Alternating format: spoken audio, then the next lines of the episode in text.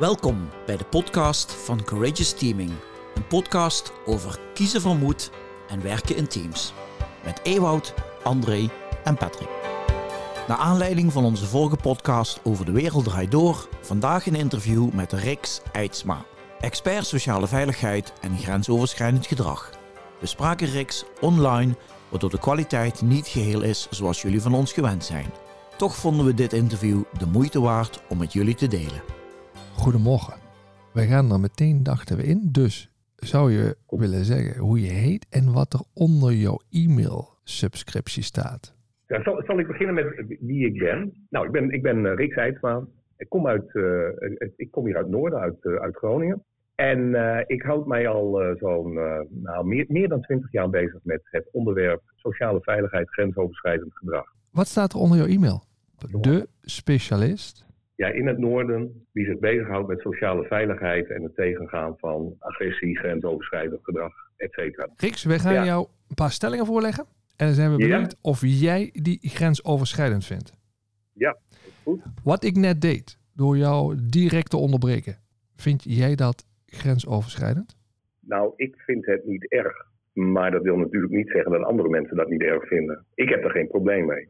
Is mijn machtpositie gebruiken om jou te laten doen, je werk te laten doen op een manier zoals ik het wil, grensoverschrijdend gedrag? Ik vind van niet. En wat maakt het jij vindt van niet? Nou ja, er kunnen, er kunnen situaties zijn waarbij uh, Ewout meer specialist is, het beter weet, het belangen heeft. Nee, ik vind dus niet grensoverschrijdend. Oké, okay, dus expertise mag dan, uh, de, is dan leidend. Even een andere. Een OK-chirurg die een assistente uitvoetert voor stomme, incompetente trut. Is dat grensoverschrijdend omdat ze hem het verkeerde mesje aanreikt? Ja, dat is voor mij grensoverschrijdend. Ik ben zelfs lid van een uh, externe vertrouwenscommissie. Dus ik vind het heel aardig dat je dit zegt. Externe vertrouwenscommissie. En mag ook wel weten van een groot ziekenhuis hier, het Ommelanden ziekenhuis in Groningen. Daar worden nou ja, allerlei casussen ingebracht natuurlijk, ook over grensoverschrijdend gedrag. En onlangs, echt heel kort geleden, soortgelijke casus gehad. En daarvan hebben wij als commissie gezegd dat dat grensoverschrijdend is. En wat maakt ja. dat jullie dit grensoverschrijdend vonden? Omdat het zeg maar, in het sociale verkeer uh, niet betamelijk is om, om elkaar op deze manier uit te schelden op de werkvloer. Spelen omstandigheden daar dan nog een rol in voor je? Dus stel dat die chirurg op dat moment uh, een patiënt had die op het puntje van kiepen, kantelen, overleden lag of niet, en dan het verkeerde aangereikt krijgt en er zoiets uitflatst. Kijk, ik kan niks over die omstandigheden vertellen natuurlijk, maar Net zoals in de rechtspraak spelen de omstandigheden natuurlijk altijd een rol. Of jij twintig jaar de gevangenis in gaat vanwege moord of zes jaar, dat hangt af van de omstandigheden. Maar moord, moord blijft strafbaar. De mate waarin je daar vervolgens als organisatie op straft, laat ik het zo maar noemen, ja, dat wordt natuurlijk bepaald door de omstandigheden. Maar elkaar schelden, dat was jullie vraag, elkaar uitschelden, ja. blijft grensoverschrijdend. Riks, het gebeurt mij wel eens dat ik een ruimte binnenloop, iemand aankijk en ik denk, die ken ik nog misschien nog niet. Wat een fantastisch mooie ogen heeft hij. Mhm. dan, dan ontsnapt het me wel eens dat ik gewoon tegen iemand spontaan zeg, wow, wat een mooie ogen heb jij. Mhm. Of iemand heeft iets aan waarvan ik echt denk, dat staat er fantastisch. Ik zeg al haar, bijvoorbeeld. En ik zeg tegen die, wow, wat heb jij een mooie jurk aan. Ja. Kan, kan dat? Ja hoor. En het gebeurt me ook wel eens dat ik iemand zie die ik al wat langer ken bijvoorbeeld. En die zie ik voor het eerst sinds een tijdje weer terug. En dat ik denk, boah, die ziet er slecht uit. Die is in die twee maanden dat ik hem niet gezien heb een heel stuk dikker geworden. Of die heeft dikke wallen onder de ogen of noem maar op. En dan vloept het me uit een soort bezorgdheid uit dat ik tegen iemand zeg, gaat het wel, je ziet er niet zo goed uit. Kan dat? Mhm. Ja, lijkt mij geen enkel bezwaar. Dus, dus over uiterlijke kenmerken mag je rustig praten met elkaar. Dat is verder niet grensoverschrijdend. Wat die doen. Nee hoor. Als ik één stapje verder ga. Als Ja, iemand echt zo corpulent is dat het, het functioneren in de weg staat. Mhm. En ik wil daar het gesprek over aangaan. Als leidinggevende? Als, als leidinggevende. Simpelweg, jij bent, jij bent eigenlijk net te dik. Waardoor eh, je minder kunt dan andere collega's die hetzelfde betaald krijgen. Daar moet ik wat mee. Kan dat? Ja, en ik, ik ken die vraag, ik kom hem ook wel eens tegen. In, in bepaalde beroepen is het, eh, dat, nou, laat ik het noemen, daar werken wij ook voor. Voor de veiligheidsregio's, bij de brandweer, bijvoorbeeld politie, scheidsrechter in het betaalde voetbal. Eh, en, nou, noem het maar op. Dan moet je aan bepaalde fysieke voorwaarden voldoen. Dus het lijkt mij geen enkel probleem. Dus bijvoorbeeld ook uh, nou, een verpleegkundige die gewoon minder goed uit de voeten komt op de afdeling en daardoor minder patiënten kan zien, daar mag je over in gesprek gaan. Kijk, ik zoek bewust die beroepen op waarbij je, waarbij je logischerwijs kan zien dat bepaalde fysieke omstandigheden dat die gewoon nodig zijn. Ja, is, is dat in het geval van die, dat kan ik natuurlijk zo niet beoordelen, maar als, als dat echt voor het werk nodig is, dat je fysiek heel erg zeg maar fit bent, nou, dat kun je bij de brandweer, bij de politie, et cetera, kun je wel iets bij voorstellen. Ja, natuurlijk kun je daar dan het gesprek over aangaan. Dan even heel anders. Jij bent ook een groot uh, voetbalfanaat. Als Nederland tegen Argentinië speelt. Nederlandse spelers begeleiden de Argentijnse spelers die van de middenstip naar de penalty stip en vertellen hun er van alles over hun moeder die niet deugt en allerlei andere dingen die, uh, om ze uit hun concentratie te helpen. En als een Argentijnse speler uh, de bal keihard in de dugout van de Nederlandse equipe schiet, zijn ze dan in die context waar een WK-finale ticket op het spel staat, grensoverschrijdend bezig? Ja, weet je, dat, is, dat, dat bepaalt in dat geval natuurlijk de scheidsrechter. Die bepaalt hoe ver je kunt gaan. Als je het mij vraagt, dan zeg ik ja. Ik vind niet dat je, dat je iemand, uh, laat het even heel plat zeggen, een bal uh, expres voor zijn kop schiet. Voor mij kom je nu bij, echt bij een kern. Daar ben ik nou ontzettend benieuwd bij. Dus André legt die link naar de sport. En bij de sport zeg je eigenlijk, ja, degene die de grenzen bewaakt is de scheidsrechter. Nou, wacht, wacht, wacht. Ik zeg twee dingen. Degene uh, die de grens bewaakt is de scheidsrechter. Maar vraag je het aan mij als persoon, gooi je iemand bewust een bal, is dat, dan zeg ik, ja, natuurlijk is dat grensoverschrijdend. Hartstikke mooi. Dus hij zit jouw perceptie, maar we hebben eigenlijk met elkaar afgesproken, in dat speelveld bepaalt de scheidsrechter de, de, de grenzen. En we hebben een soort boekje gemaakt, dat heet het meestal bij iedere sport het spelregelboekje. En daar staat ook vrij helder in welke grensjes waar liggen, wat mag wel en wat mag niet. Wie bepaalt nou in het normale leven? Wie is, wie is de scheidsrechter? Wie ziet toe op de grenzen? En wie maakt de spelregels? Nou ja, weet je, ik, daar, daar, wil ik graag iets meer over, over zeggen.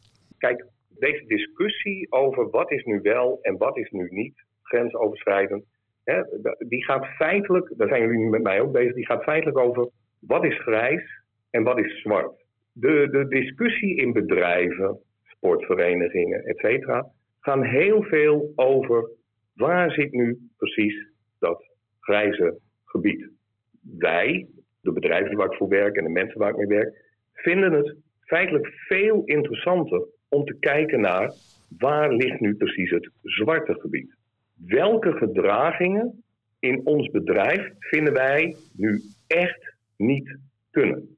Dat zeg ik niet zomaar. Dat zeg ik omdat we weten, nou, onder andere vanuit de eerste rapportages van uh, Mariette Hamer, onze nieuwe regeringscommissaris op het gebied van grensoverschrijdend gedrag. Uit cijfers blijkt gewoon dat één op de twee vrouwen, één op de twee, hè, realiseer En waarschijnlijk ligt dat getal nog hoger. Die, wordt, die voelt zich seksueel geïntimideerd op het werk. Eén op de vijf mannen, die ervaart dat zo. Seksueel grensoverschrijdend. Dat is een één van de vormen van grensoverschrijdend gedrag. Laten wij zou mijn oproep zijn het eerst eens hebben over alles wat wij in bedrijven zwart vinden. Als je kijkt naar de kwestie The Voice, John de Mol, ik vond dat hij fantastische verklaring gaf en afleverde. Op één punt ging hij wat mij betreft volledig eh, de mist in. Door te stellen dat hij in zijn bedrijf The Voice alles voor elkaar had, vertrouwenspersonen, uh, uh, meldingsstructuren, personen die op de set aanwezig waren om te kijken of het wel of niet goed ging. En zei hij, maar die verdomde vrouwen, die heb, ik, die heb ik nog nooit gezien en die hebben nog nooit bij mij gemeld. Oftewel, hij legde de schuld neer bij de vrouwen dat hij niets van die dingen had gehoord. En daar zit nou net de crux van hoe goed doe jij je best als bedrijf om zeg maar die dingen uit het zwarte gebied ook daadwerkelijk te weten. En hoeveel kwesties heeft het gemiddelde bedrijf in Nederland? Nou, ik kom echt bij veel instellingen, overheidsinstellingen, scholen, noem maar op, ziekenhuizen. Dat ligt bijna altijd in de buurt van de nul. Dus je oproep is, bepaal met z'n allen, maak het wat eenvoudiger en bepaal vooral, dit mag je niet. Als je dat hebt, dan sluit je al heel veel uit. Heb je heel veel winst te pakken, misschien de 80-20 regel, als ik het zo mag zeggen. En dan ga je daarna nog eens een keer, als je tijd over hebt, uh, over dat grijze, die 20% praten. Ja, ga nu eerst dus acties in gang zetten, zo, uh, waaruit blijkt dat jij volgend jaar minimaal een aantal meldingen hebt over echt grensoverschrijdend gedrag. En wat is dan echt? Ik hoor het Ewout bijna vragen. Wat is dan echt grensoverschrijdend gedrag? Echt zijn gewoon die dingen waarvan wij juridisch zeggen: dit kan niet. Dus ongevraagd aan iemand zitten, iemand uitkafferen, nou, tot en met veel erger, aanranden, verkrachten, enzovoort, enzovoort, enzovoort. Dus de aanleiding voor dit gesprek met jou had te maken met het feit dat wij twee podcasts geleden er eentje gemaakt hebben over de wereld draait door. En daar ook probeerden te kijken naar wat is nou de context waar dat in plaatsgevonden heeft en hoe heeft dat ook invloed op het gedrag wat daar uiteindelijk uh, vertoond is. Hè? Uh, Hoe kijk jij nou naar die casus? Dus, dus ook, hè, ik vind het wel mooi, je zegt net dat zwarte gebied omschrijven. Hè? Hoe maak je spelregels over dat zwarte gebied? Als het bijvoorbeeld ook gaat over het verschil tussen, ja, we moeten topprestaties leveren. Er wordt van iedereen van alles verwacht. En als je niet mee kunt, dan word je daarop aangesproken.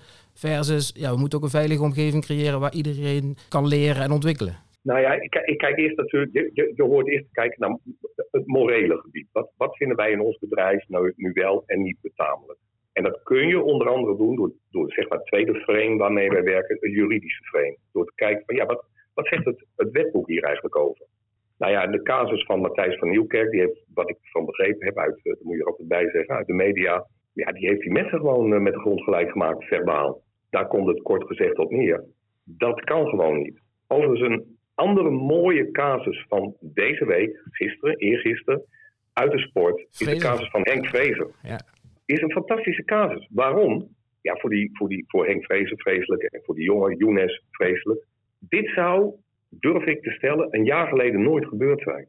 Dat iemand zelf zegt, ik ben over de grens gegaan. Dat die trainer zelf zegt, ik ben over die grens gegaan. Er zal, er zal ongetwijfeld meer gebeurd zijn daar in Utrecht. Maar dat hij naar buiten toe zegt, ik ben over de grens gegaan, ik stap op. En, en Riks, nou, zeg maar, door dat, dit voorstel te doen, richt je je op gedrag. Wat mag je niet? Het zwarte gebied, hè? En wij zeggen in onze podcast, uh, wij stellen eigenlijk voor, richt je vooral op het systeem. Wat bedoel ik?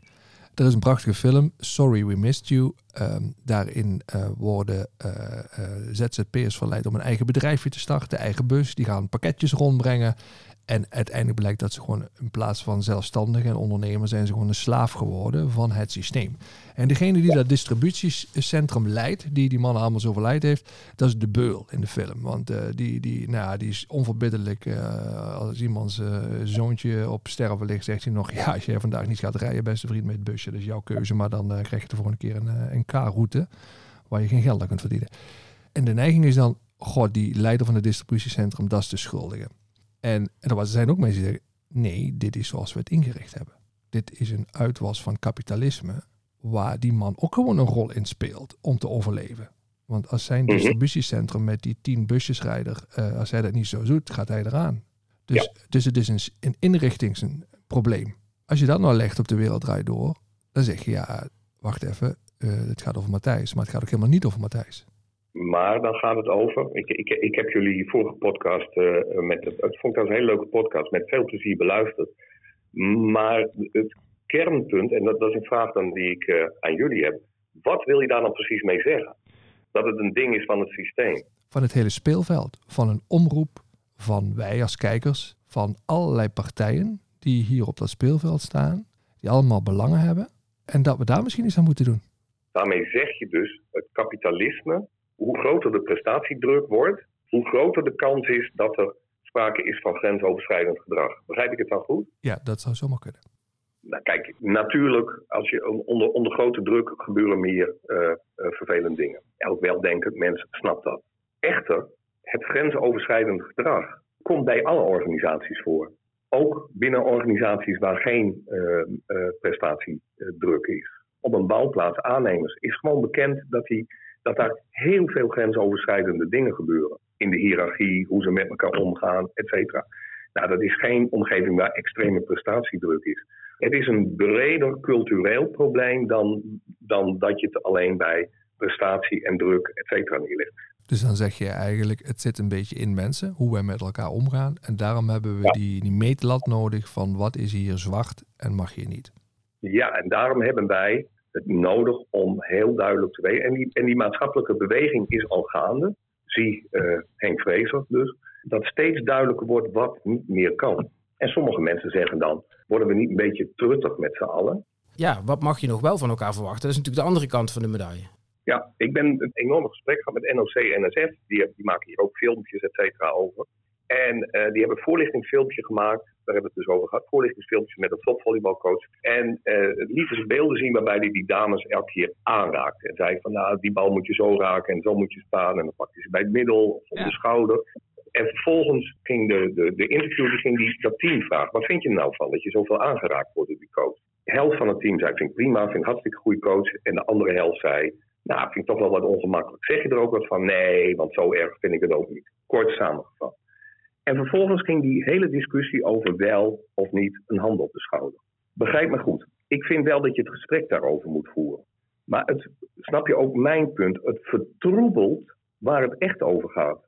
Namelijk die dingen waarvan wij echt niet willen dat onze sportende kinderen mee moeten maken. Dus daarmee zeg je weer, laat dat grijze gebied zitten en ga het vooral weer hebben over, over zwart. Ja, ja het gaat daar wel, je mag het er prima over hebben. Maar laten we alsjeblieft onze aandacht richten op de dingen die, die we, waarvan we zeggen, dat, dat kan echt niet. Ja, en nee. ik snap, ben ik ook op benieuwd.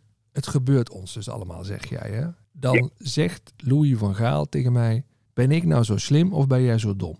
Dat gebeurt mij. Ja. Als journalist of als speler of als mens. Wat heb ik dan te doen? Ja, als, jij die, als jij die opmerking, en dat zou ik me goed kunnen voorstellen als uh, vervelend ervaart, uh, laten we zeggen dat je dat uh, kleinerend vindt, dan zou je tegen Louis kunnen zeggen: Nou, ik vind dat je mij kleineert op deze manier en ik vind het niet heel fijn. Zou je ermee willen ophouden? En daarbij krijg ik een soort strijdgesprek met hem waarschijnlijk, hè? als ik daar even in doordenk. Je zou ook kunnen zeggen een grensstellend gesprek. Ik wil niet dat je zo met mij... dat zou ik heel dapper vinden van journalisten. Zeggen van nou, want hij kleineert wel degelijk journaaien. Nou, daar kun je wel wat van zeggen. Ja. Rick, ik zou op zijn minst nog één perspectief willen belichten. Dat is, uh, ik denk dat het een heel moeilijk verhaal is om organisaties op te roepen om zoveel mogelijk KPI's, een hoge KPI te verzamelen over veel meldingen. Ik denk dat ze denken van, dat gaat ons, dat vind ik geen lekkere speelveld om op te zijn. Maar als ons dat nou zoveel gebeurt, die één op die twee vrouwen, en die ja. één op die vijf mannen. En het gebeurt ons ook allemaal, denk ik, dagelijks. En ik kan me ook nog voorstellen dat macht daar ook een rol bij speelt. Wat heb je te doen? Wat is een middel wat je kunt aangrijpen als degene die het ondergaat? Hè, dus als Louis dat tegen mij zegt. Wat adviseer je dan? Wat voor tips heb je voor ons? Nou, dat zijn uh, verschillende tips en handvaten en dingen die er nu ook al wel zijn. Dat, dat begint natuurlijk met een plek waar je je verhaal kwijt kunt. Dat je als leidinggevende uh, goed je ogen en oren de kost geeft. Maar ook, en dat, dat vind ik wellicht nog veel belangrijker dan vertrouwenspersonen, vertrouwenscommissies, et cetera dat je ook concreet vraagt naar dit soort dingen. Wij, vragen, wij weten dat het gebeurt. Het is, het is de, de, zoals we dat mooi noemen, de roze olifant in de ruimte. Wij lopen er allemaal omheen.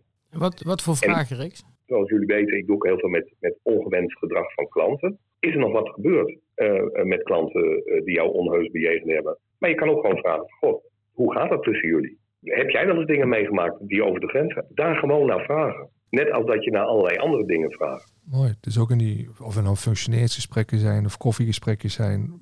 Dit, is, ja. dit hebben we tot nu toe nauwelijks op de agenda staan. Dat je daar ook eens... Nee, hmm. we lopen eromheen. We moeten het ook niet alleen een machtsdingetje maken of een, of een prestatiedruk ding. Daar zijn we heel sterk toegewijd. Oh, dat komt door dit. Of, natuurlijk werkt dat macht er altijd aan mee. Prestatiedruk werkt, tuurlijk, tuurlijk, tuurlijk. Maar het gebeurt ook gewoon tussen gelijkwaardige... Wat je net zei, twee op de bouw en... Uh... Ja, maar ook gewoon twee ambtenaren die naast elkaar zitten en een bloede ekel aan elkaar hebben. En... Heeft dat dan gewoon te maken met competitie? Dus toch weer, wie is de beste? Echt talloze factoren. Van het karakter van iemand die dat heel normaal vindt, tot mensen die enorm met elkaar botsen, tot competitie kan het een waaier aan factoren waardoor dit uh, gebeurt. In die commissie waar ik zit en dus nou al heel veel van die casussen heb gehad, ik verbaas me over, nou om dat toch iets te noemen, het verhaal wat, ik noem ze dan maar even, daders van grensoverschrijdend gedrag altijd hebben. Om hun gedrag, wat duidelijk over de grens is gegaan, ja, hoe, de, hoe het zo is gekomen. En hoe ze het vervolgens goed praten. Ik als dader maak er mijn eigen verhaal van. Uh, het eigen ja. legitieme verhaal. Het verhaal wat ik mij vertel om toch rustig te kunnen slapen. Het was heel logisch dat ik dat deed. Dat is echt zo. Echt, dan, dan kom je casussen tegen van, nou laten we even zeggen, kan ik wel anoniem zeggen. Een leraar die uh, uh, s'avonds laat appjes stuurt naar een leerling, 15, 16 jaar. Uh, het vraagt hoe ze erbij ligt en uh, toch zo gezellig. Maar dan hoor je het verhaal van zo'n man. Ja, maar met een heel leuk contact en gezellig en uh, seksuele voorlichting. Nou, weet je wel, die, die heeft daar een verhaal bij. Ja. En bijna altijd het verhaal van zit niet zo moeilijk te doen. Ja. Niks. Dankjewel. Is er nog iets je- wat je, een luisteraar van ons, wat je nog niet gezegd hebt, denkt, nou, dat zou ik wel echt graag nog willen meegeven. Nou, sowieso als ze vragen hebben, laten ze via jullie eh, eh, contact met me opnemen. En meld, dat is echt mijn missie, meld alsjeblieft. Ga, ga het gesprek aan als je deze dingen overkomt. Het is echt zo, iedereen, ook jullie, als je eens teruggaat in je carrière, heb je wel dingen meegemaakt waarvan je zegt, zwarte gebied, dit kan echt niet. We hebben, hebben het daar eens over.